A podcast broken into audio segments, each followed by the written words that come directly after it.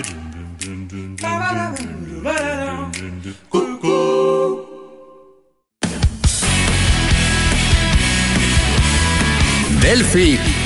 kiirtund. Delfi kiirtund, tere päevast, Delfi kiirtund hakkab peale. selle toovad teieni äh, Urmas Jaagant ja Priit Simson, räägime nendest teemadest, mis Eesti Päevalehes ja Delfis on sellel nädalal jutuks olnud ja esimesena võtame ette puuetega inimeste toetamise, nimelt äh, on äh, eilsest saadik olnud päris palju juttu sellest, kuidas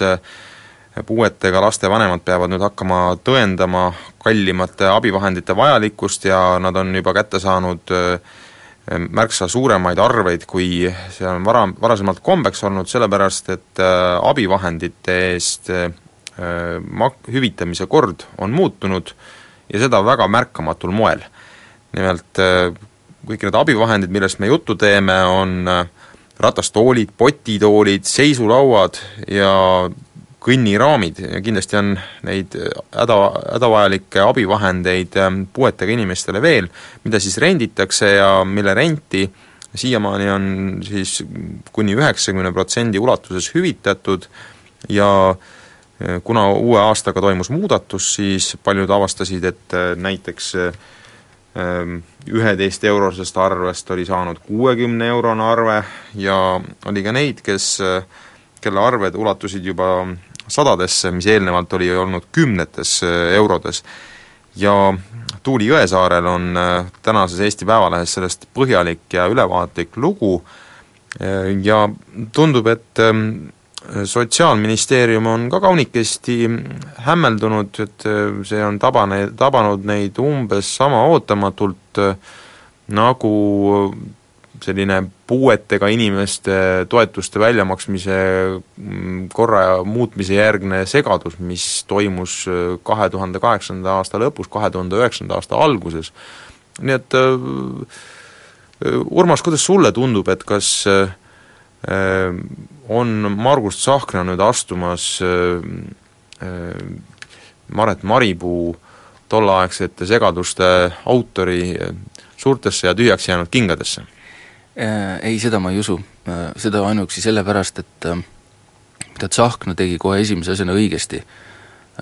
oli pressiteade, kus ta teatas kohe, et jah, on, mingi segadus siin on, asjad on valesti, tegeleme, on tehtud mingeid vigu, et äh, ei olnud, nii palju kui ma nüüd mäletan kahe tuhande kaheksanda aasta asjadest, et et siis vist oli õigustamist omajagu rohkem äh,, kuni siis lõpuks selleni välja, et äh,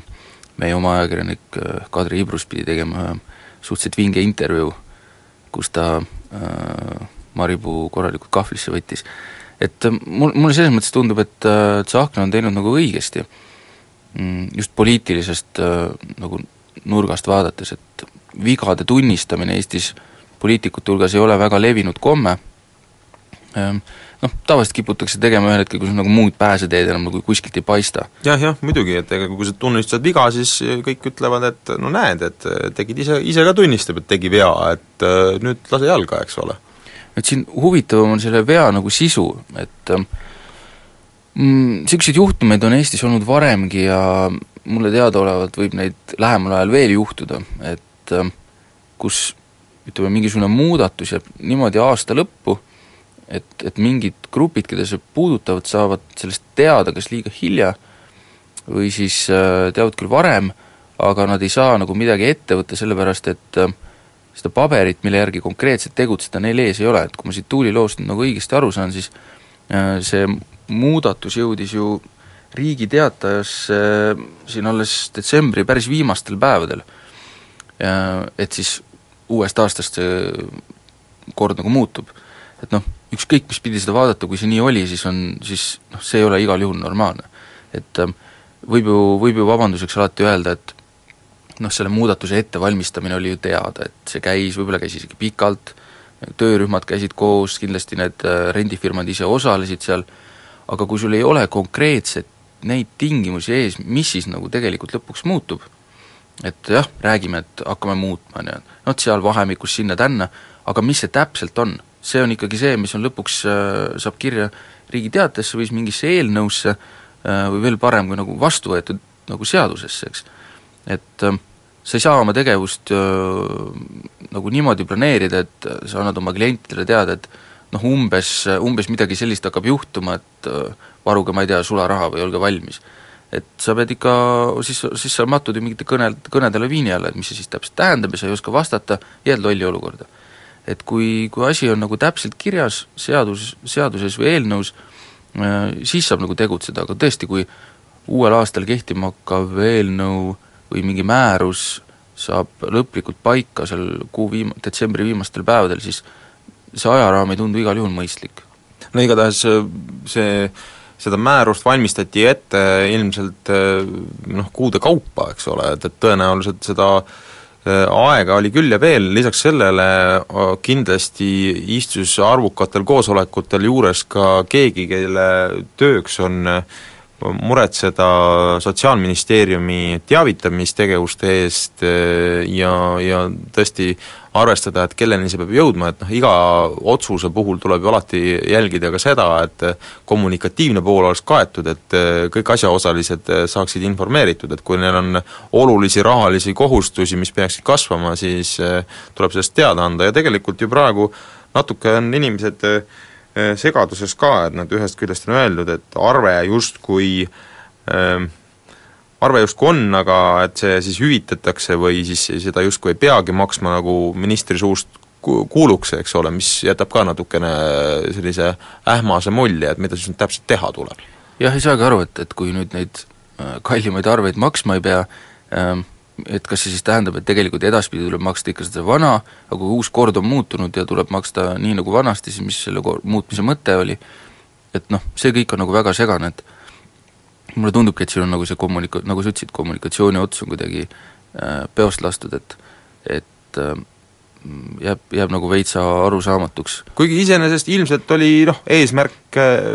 hoida riigi raha kokku, nagu tavaliselt ikka, et äh, kui on piirmäär, siis äh, ei hüvitata ju äh, hüvitata sellisel juhul kaugeltki mitte äh, noh, et enam, enam protsenti, eks ole, vaid eesmärk on hüvitada ainult teatud määrani ja kui see määr ületatakse, siis jääb see kõik patsiendi omavastutuse peale, aga sellisel juhul oli ilmselt üsna hästi võimalik ju ette näha, et eh, on olemas teatud sihtgrupid, kes peavad hakkama maksma rohkem ja keegi, kes millestki ilmselt seetõttu ka ilma jääb. et eh, tõenäoliselt on äh, on äh, tegemist ikkagi kellegi jaoks tõsise mahamagamisega, et äh, ja, ja kindlasti loodame siit äh, Sotsiaalministeeriumi poolt kiiret reageerimist, selgeid vastuseid, kui seda siiamaani pole tehtud, siis on neil viimane aeg sellega pihta hakata, aga praegusel hetkel läheme siis esimesele kommertspausile. Delfi kiirtund Delfi kiirtund, kiirtund. jätkub Delfi kiirtund, Urmas Jaagant ja Priit Simson on seda teieni toomas. Ja kõnelesime puuetega laste vanematele tulevatest märksa suurematest arvetest kui eelmisel aastal, nimelt äh, abivahendite hüvitamise kord äh, muutus ja mitmed äh, vanemad on saanud kümnete eurode suuruste arvete asemel sadade eurode suuruseid arveid ja see kõik on tulnud täiesti ootamatult. Selle, selle teema täienduseks tuleks siis veel öelda, et erinevaid abivahendeid, peetud silmas siis ratastoole, potitoole, seisulaudu ja kõndimisraame ja nii edasi, äh, neid kasutab laias laastus seitsekümmend tuhat inimest, äh, umbes kaks kolmandikku neist on pensionärid ja üks kolmandik lapsed. ja mm, tõepoolest, kui eelmine kord Sotsiaalministeeriumi suuremate jamade aegu äh, puhkes tohutu süüdistamine, mm, Maret Maripuu üritas süüdlaseks teha küll kantslerit, küll asekantslerit, äh, äh, praegusel hetkel OÜ Invaru on see, kellele on suunatud süüdistav sõrm, tundub, et ka mitte päris alusetult, sellepärast et nemad ei paistnud kuidagiviisi tajuvad seda, et nad oleks pidanud oma lepingulisi kliente kuidagi ette hoiatama. et kuidas sulle, Urmas, tundub, et äh, kas siin suudetakse mingisugune enam-vähem valutu lahendus äh, leida lähiaegadel äh, või jääb see kuidagiviisi pulbitsema ja me kuuleme veel palju igasugust näpuga näitamist ja, ja teineteise süüdistusi? ma loodan, et mitte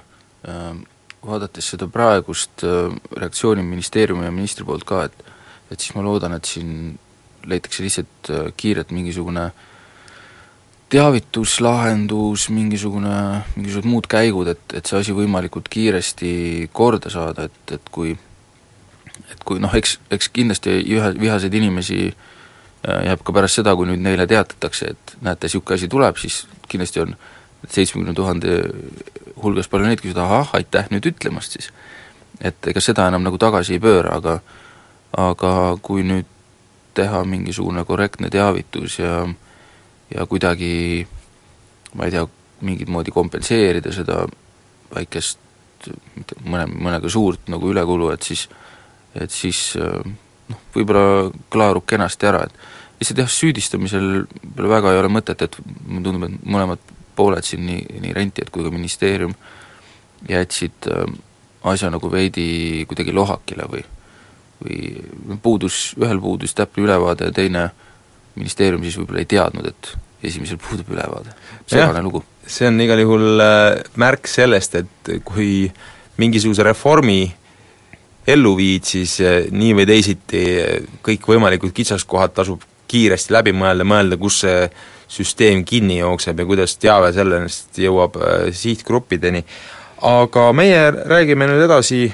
järgmisest äh, olulisest teemast, milleks on kooseluseaduse rakendusaktid, et uuest sea-, uuest aastast alates on äh, kooseluseadus kehtiv, nägin isegi Facebookis inimesi, kes koosellus või täna teatas oma koosellumisest, selline uus sõna justkui on meie keelepruuki jõudnud, aga kahekümne kuuendal jaanuaril on siis see hetk, kui üritatakse seda äh, kooselu muuta ka legaalses mõttes rakendatavaks, et äh, Urmas, siis on, kuidas siis on küll nagu teine lugemine. jah, et aga...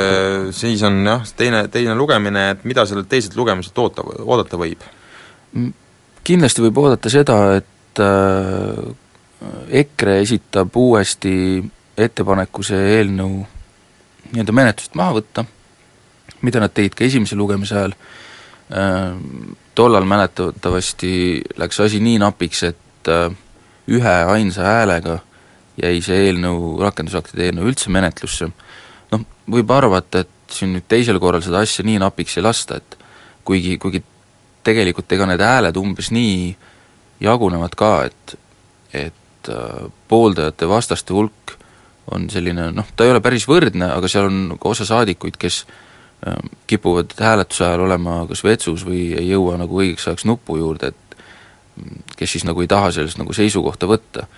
no see on selline poliitiliselt mugav alternatiiv alati öelda, et äh, pärast, et oi, et ma üldse ei hääletanudki selles küsimuses, et äh, siis ei vihasta nagu mitte ühtegi poolt välja. jah, selles mõttes on see see variant on olemas, on selles mõttes halb, et need inimesed on sinna valitud selleks, et nad võtaksid seisukohti. et äh, seisukoha natu... puudumine on ka seisukoht muidugi. noh, jah, mingis mõttes küll, aga ikkagi. et ähm, aga kõige suurem jama saab muidugi olema mm, kolmanda lugemisega äh,, mil siis on seaduse nagu jõustumiseks või vastuvõtmiseks enne, enne muidugi äh,, saada kokku viiskümmend üks häält ehk koosseisu häälteenamus ja seda viitekümmend ühte häält hetkel küll kuskilt ei paista. Et nii palju, kui mina olen poliitikutega rääkinud, siis erinevad häältelugejad, kes on seal no, neid tabeleid teinud, ütlevad, et kuskil nii, nagu see esimese lugemise ajal oli, umbes nii see on, et, et nelikümmend, neljakümne, neljakümne peale paar häält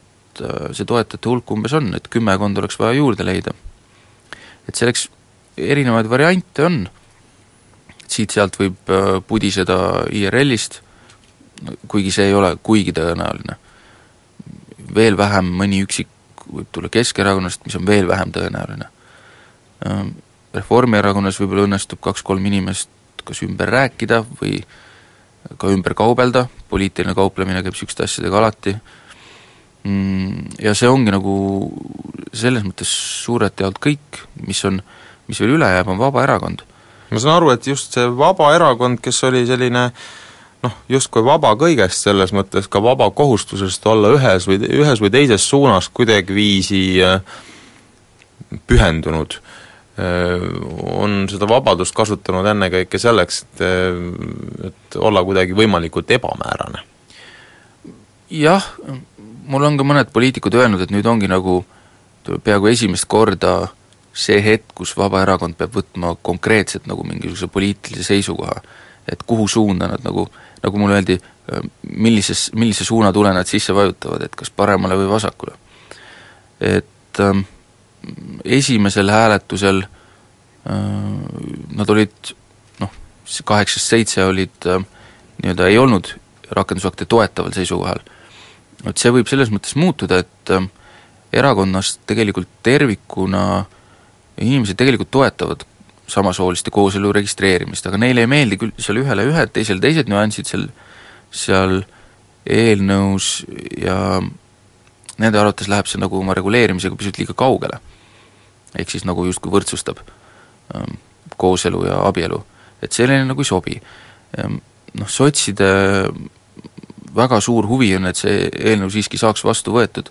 ja võib-olla õnnestub neil nagu jõuda sellest tulemuseni, et Vabaerakonna enda eelnõu variandist, ehk siis paarkonnaseadusest, võetakse mingeid punkte üle, et võib-olla siis Vabaerakond, vähemalt osa neist on nõus Äh, lõpphääletusel isegi, isegi poolt olema, noh seda, seda ma praegu ei tea, et ilmselt uuest nädalast hakkab selline veenmine ja kauplemine pihta. nojah, Vabaerakonnal on siiamaani olnud selline meeldiv elu, et nad saavad kogu aeg äh, kusagil sõna võtta, öelda, et kõik see, mida kartellierakonnad, see on siis nende poolt jõuliselt kasutatav termin, teevad, et see on kõik vale ja et ennekõike kõnelda sellest, kuidas erakondade rahastamist tuleb muuta, rohkem otsedemokraatiat lubada ja nii edasi ja nii edasi, aga nüüd on selline ette pandud teema, mille puhul on näha, et üks teine konkurent, noh näiteks EKRE, noh lõikab ikka rukist nagu kahe käega ja saab aina reitingut, et toetust jagub. aga siis vabaerakondlased on nagu sellised justkui sellised tublid lillelapsed olnud, kes noh, ei ole pidanud nagu selliseid äh, ebameeldivaid otsuseid tegema ja väga palju ka kusagil, kuskil suunas kauplema. jah, nende, nende jaoks saab see olema nagu äärmiselt tähtis, et äh, millise poole nad valivad, et et äh, ja nende nagu nii-öelda kahjuks selles mõttes, et mis vähendab nende kauplemisruumi, on see ka, et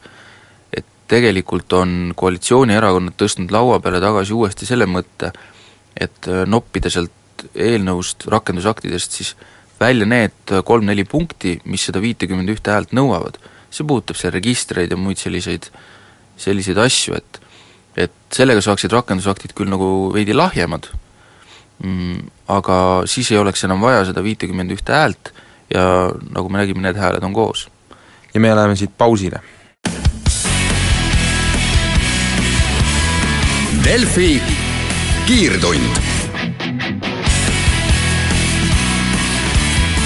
Delfi kiirtund. Jätkame Delfi kiirtunniga, Priit Simson ja Urmas Jaagant on seda teieni toomas. Ja järgmine teema on see, et politseil on kavas korraldada SMS-kampaania, mille eesmärgiks on vähendada narkootikumide tarbimist, anda tarvitajatele, nii-öelda siis pühapäeva tarvitajatele märku, et te olete meil sihikul, me jälgime teid ja teame teie kohta kõike. Ja sellise kampaania käigus on siis plaanis saata SMS-e ja kui on saadud info näiteks diileri käest, et need ja need inimesed aeg-ajalt ostavad, siis saadetakse kohe SMS, et palun ära tarvita narkootikume, sa toidad sellega kuritegelikku turgu. nii et põhimõtteliselt peaaegu nagu see, mis sigaretipakkide peal on, et äh, toob kaasa varase surma, impotentsuse, teeb hambad mustaks või äh, mis iganes äh, muud halvad asjad, mis võivad inimesega juhtuda erinevate meelemürkide või või siis vähemal määral kahjustavate ainete tarvitamise tulemusena. et Urmas, mis sa arvad, et äh, kas see võiks kuidagiviisi toimida või äh, on see selline nagu pehme meede teekonnal ühiskonna vaos hoidmise suunas, mis noh, nii-öelda tore on, kui on, aga midagi ei muuda siin elus? ma arvan küll, et see võib selles mõttes toimida, et kui, kui mõtte, mõelda enda peale, et kui sa äh, käid peol äh, ma ei tea, kellegi juures kodus, kus on, ma ei tea, regulaarselt mingi aja tagant tarvitatakse mingeid narkootikume, siis tundub võib-olla, ma ei tea, mõnele kuidagi kuidagi lahe, niisugune veidi salapärane ja natuke kriminaalne ka, eks ole. ja siis ja selgub, et see ei olegi salapärane. siis, siis sa saad nagu ühe sõnumi otse politseilt, ma kujutan ette, mõnel inimesel võib see nagu põlvenõrgaks küll võtta. et just, just oluline on see, et et ega need inimesed, keda ju sellega nii-öelda äh, mõjutada proovit-, proovitakse, ongi need äh, nii-öelda pühapäeva tarbijad, ehk, ehk siis kes, kes ei ole nagu veel lootusetud narkomaanid kes võivad ka mitte tarbida, kui äh, neil on see täiesti jõukohane. jah, ja noh, võib, võib ju, kui see on neile jõukohane, võib arvata, et tegemist on selliste inimestega, kes nagu äh, noh, taipavad väga hästi, et see, millega nad tegelevad, ei, on, on tegelikult seadusevastane. ja ma arvan, et sellisel juhul, kui sa saad politsei käest nagu teada, et äh, nemad teavad täpselt samamoodi, mida sina teed, siis siis mõnel võib see võib-olla sellise tuju ära võtta küll enamasti räägitaksegi ju sellest, et ennekõike vahelejäämise tõenäosus on see, mis mõjub heidutavalt, mitte niivõrd karistuse suurus. et mitte ei loe see, mis on kirjas äh, äh, karistusseadustikus, vaid ennekõike on tähtis see, et kas see karistusseadustik üldse võiks kunagi jutuks tulla või mitte. jah, ilmselt, ilmselt see nii on, sellepärast et äh, Äh, ütleme need, kes, ega kui me vaatame ju ma ei tea, kas narkomaane, kes käivad vargil või äh, või teevad muud kurja, noh, ega nemad ju sellest vangi minekust või politsei hirm nagu see neile kuidagi ei mõju, et et äh, ma usun, et noh, kui politsei on võtnud nagu eesmärgiks selle, et et hoida ära mõne sellise pühapäeva tarbija muutumine nagu päris, päris narkomaaniks, siis siis see kindlasti võib toimida, noh, ja muidugi siia juurde peab käima ka see, et peab olema reaalselt näha ka, et, et on mingid inimesed, kes kes saavad nagu karistada või ke-, kes noh, et politsei lihtsalt ei saada sõnumeid, on ju, siis ühel hetkel see ka nagu enam ei toimi. kui me vaatame siin tänase sõnu, saadavad sõnumi, milles ähvardavad saata uue sõnumi just, et kui me vaatame tänase Päevalehe juurde äh,, artikli juures olevat fotot, siis äh, nagu siit on näha, konkreetne köögipidu äh, Äh, on lõppenud sellega, et äh, viisakatel inimestel on käed kukla taga, et et kui selliseid pilte ilmub, selliseid aktsioone ka nagu tehakse, siis äh, nendega koos need sõnumid, ma usun, et võiksid toimida küll. no tegelikult see vastab sellele kontseptsioonile, mida on ju üritatud ka soovitada ja pidada eeskujuks, et et politsei ei ole mingisugune karistamise ja tagaajamise asutus, vaid ka selline suunaja ja nõustaja, kes ehm, noh, osutab, et ei otsi alati seda viga ja sellele vahelejäämist ja ei ürita iga hinna eest kedagi äh, raudadesse panna, vaid äh, on võimeline ka pehmemate meetoditega ennetama, andma märku ja pälvib sellega respekti. ja mõtleme ka ressursi peale, eks, et et äh, ütleme, niisugune ma ei tea, mingi erivägede kiirreageerimisüksustega reid kuhugi äh, villasse inimesi kinni pidama on kindlasti oluliselt kallim kui nende tekstisõnumite saatmine, et et ma usun, et siin on natuke näha ka seda, seda politsei poolset nagu lähenemist, kuidas oma asju nagu efektiivsemalt ajada ka, et et me ju teame, et ega politseil mm, raha ülearu palju kasutada ei ole. et, et võib-olla see on üks viis, kuidas äh, kuidas selline üks kuriteoliik, mis on tõesti väga, väga selline ohtlik, äh, kuidas sellele saab läheneda natuke teise nurga alt. ja, ja politsei on ju tegelikult, äh, kui ma nüüd mõtlen, teinud ju sarnaseid asju ka teiste puhul, kui ma mälet-, minu mäletamist mööda isegi kas sel aastal ka saadeti näiteks korduvatele liiklusrikkujatele politsei nii-öelda jutumärkides jõulukaarte, kus, kus siis on peal mingisugused ma ei teagi, mis siis, pildid õnnetustest või ja mingi hoiatused või mingisugused sõnumid politseilt, et et äh, see on täpselt sama asi. et äh, see on selline teistmoodi lähenemine, mulle tundub, et seda proovitakse rakendada äh, erinevamate sellise süüteoliikide peal siis. jah, et ühes selle narkootikumide vastase ennetuskampaaniaga on sellesama Kärt Anvelti mm, tänase Eesti Päevalehe loo juures ka tublisti statistikat erinevate kuriteoliikide kohta ja äh, näeme seda, et äh, kahe tuhande viieteistkümnendal aastal, mille kohta nüüd statistika on kokku löödud, äh, on mõningat progressi võrreldes siis aasta varasemaga, ehk siis kaks tuhat viisteist oli kuritegevuse mõttes mitmeti parem kui kahe tuhande neljateistkümnes aasta, et näiteks tapmiste arv on kahe võrra vähenenud, röövide arv on kahekümne võrra vähenenud, ehk siis äh, saja üheksakümnelt saja seitsmekümne peale ja äh, mis on, mis on äh, võib-olla veel positiivne, on, on vargused, et nende mahasurumine ikkagi vaikselt toimub, et seitsmesaja kuuekümnelt seitsmesaja peale, nii et pisitasa liigub Eesti turvalisema riigi suunas, kuigi see ei toimu ainult lineaarselt, et kui me vaatame siin vägivallakuritegusid, siis mullu neid registreeriti rohkem, muidugi see, et registreeritakse rohkem, ei tähenda ju alati seda, et neid rohkem tehakse. ja ma arvan ka, et siin on, siin on jällegi osa tulemust on selles teavitamises, et äh, inimesed, kes noh, kuna, kui me siit loeme, et äh, lõviosa vägivalla äh, kuritegudest on lähisuhtevägivald, et sellest on viimastel aastatel väga palju räägitud, ja alati juurde öeldud ka seda, et sellistest asjadest tuleb teatada ilma valehäbita või ilma no, oma ründajat, kes on tegelikult siis lä-, lähedane inimene, seda kaitsmata, et et võib-olla see hakkab ka järjest rohkem nagu kohale jõudma ja ja vägi, koduvägivalla all kannatajad lihtsalt äh, teavitavad sellest rohkem, et et ma miskipärast ka ei, ei kipu arvama, et see, neid kuidagi inimesed on vägivaldsemaks muutunud kodudes. kaklevad rohkem kuidagi kuna, kui varem, eks ole, et seda on natuke raske tõepoolest uskuda, et äh, pigem ilmselt jah, on äh, süvenenud see arusaam, et kui on mingisugune probleem, mingisugune vägivallajuhtum, siis sellest tuleb teatada politseisse, et see muidugi on märk sellest, et nii-öelda korralik tsiviilühiskonna lähenemine imbub järjest enam sisse, sellepärast et äh, sellises arenenud riigis ju ühene arusaam on, et riik on see, kellel on vägivalla monopol, et tema võib kellegi suhtes jõudu tarvitada, kui inimesed ise hakkavad seal jõudu tarvitama, siis see peab olema väga täpselt reglementeeritud ja ja mingit omavoli siin olla ei saa. nii et eks neid teavitamiskampaaniaid ka naistele, naiste seas eriti on ju tehtud päris palju, et teata vägivallast ja paistab, et kui teatada, kui neid registreerimisi on rohkem, siis ilmselt võib oletada ka seda, et et see teavitamine on hakanud äh,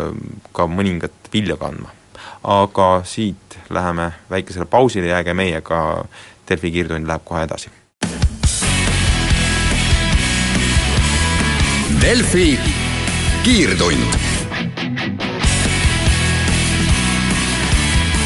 Delfi kiirtund. ja Delfi kiirtund podiseb nüüd edasi ja räägime relvaseadusest, mida, mille mm, kooskõlastusringil äh, peaks olema üks tähtaeg juba homme, et erinevad äh, ametiasutused peaksid oma kooskõlastused siis selleks ajaks äh,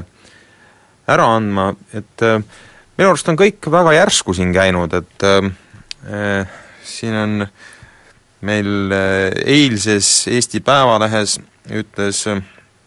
Veiko Kommusaar, kes on äh, siis Siseministeeriumi korrakaitsega kriminaalpoliitika osakonna juhataja, et ei ole palju ratsionaalseid selgitusi, miks peaks eraelu või vara kaitseks omama piiramatul hulgal tulirelvi.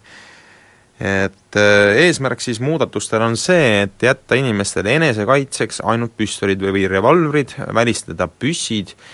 ja poolautomaatrelvad siis on kuidagi ka eriti tähelepanu alla võetud ja inimesel võib siis olla enesekaitseks ainult üks relv. ja praegusel hetkel mm, ongi, ongi väga huvitav seda jälgida, et et tohut-, enamiku kooskõlastusringi perioodi jäävad ju kahed pühad sisse, nii et põhimõtteliselt on tegemist omamoodi turbomenetlusega, et aga Urmas, kuidas sulle tundub, et kas siin on nagu üldse mingit vajadust sellise muudatuse järele, et alles Veiko Kommusaar üheksandal detsembril teatas meile, et Eesti relvaseadus on piisavalt range. noh, nii ja naa, et äh, ma ise relva ei oma, seetõttu ma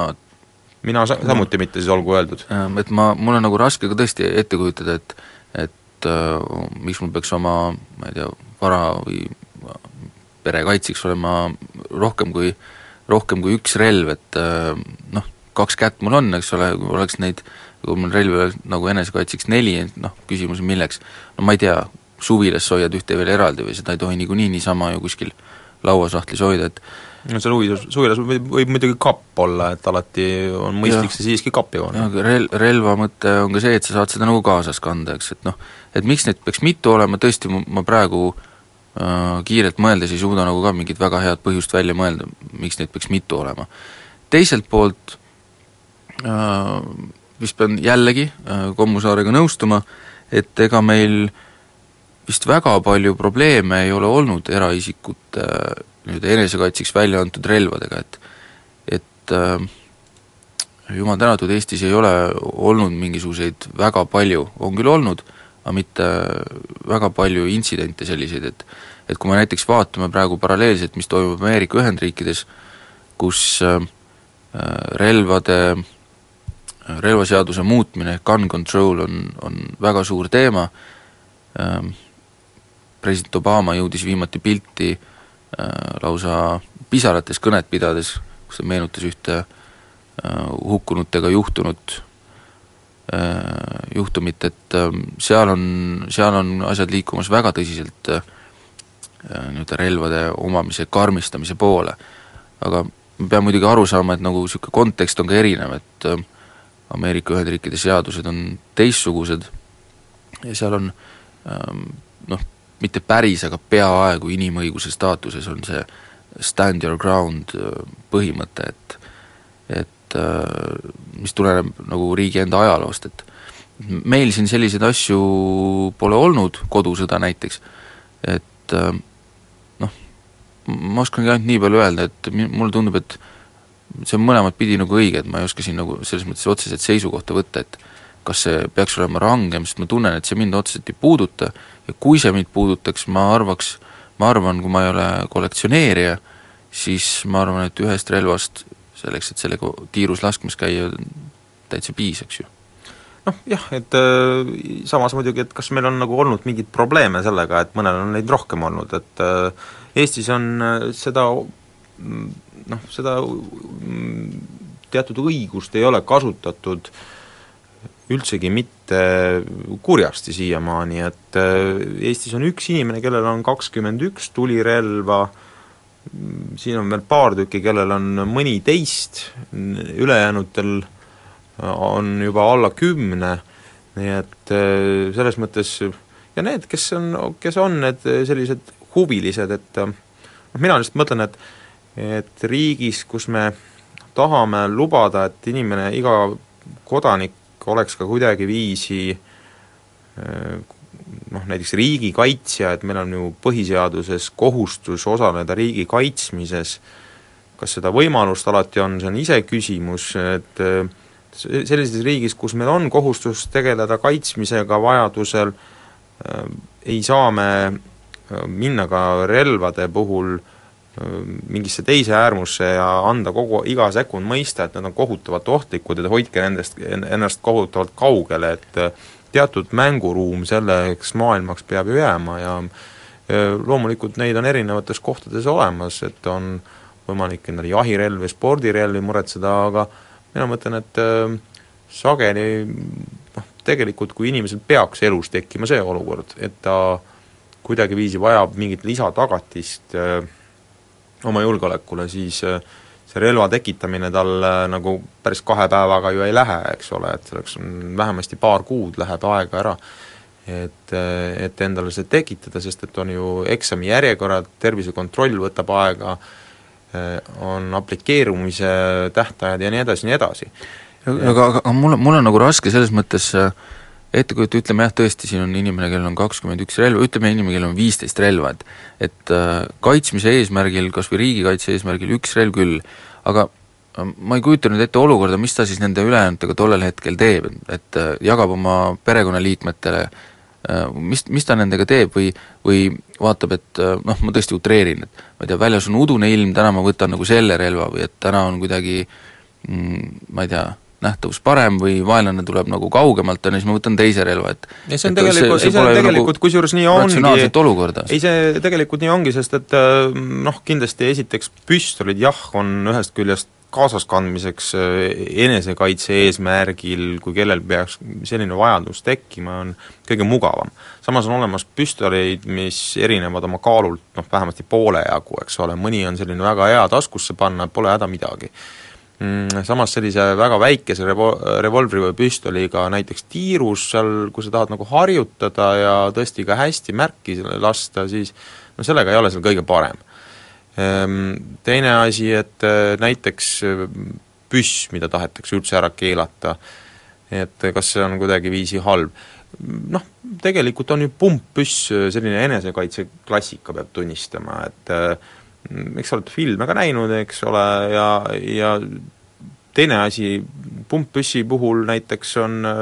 üldse igasuguste püsside puhul, mis on enesekaitse seisukohalt, nad on jah, kobakad, et nendega noh, ei jaluta mööda linna ringi, püss näpus. aga äh, nende eelis, kui ta on sellises koduses tarbes mingisugusel noh, tundub, et keegi võib elu, elu kallale klippuda või keegi on ähvardanud või mis iganes, et äh, püssi eelis on puhttehniliselt see, et äh, ta on ikkagi väga palju lihtsamini käsitletav kui püstol. ta laseb täpsemini ka äh, suhteliselt vähese treeningu korral, sest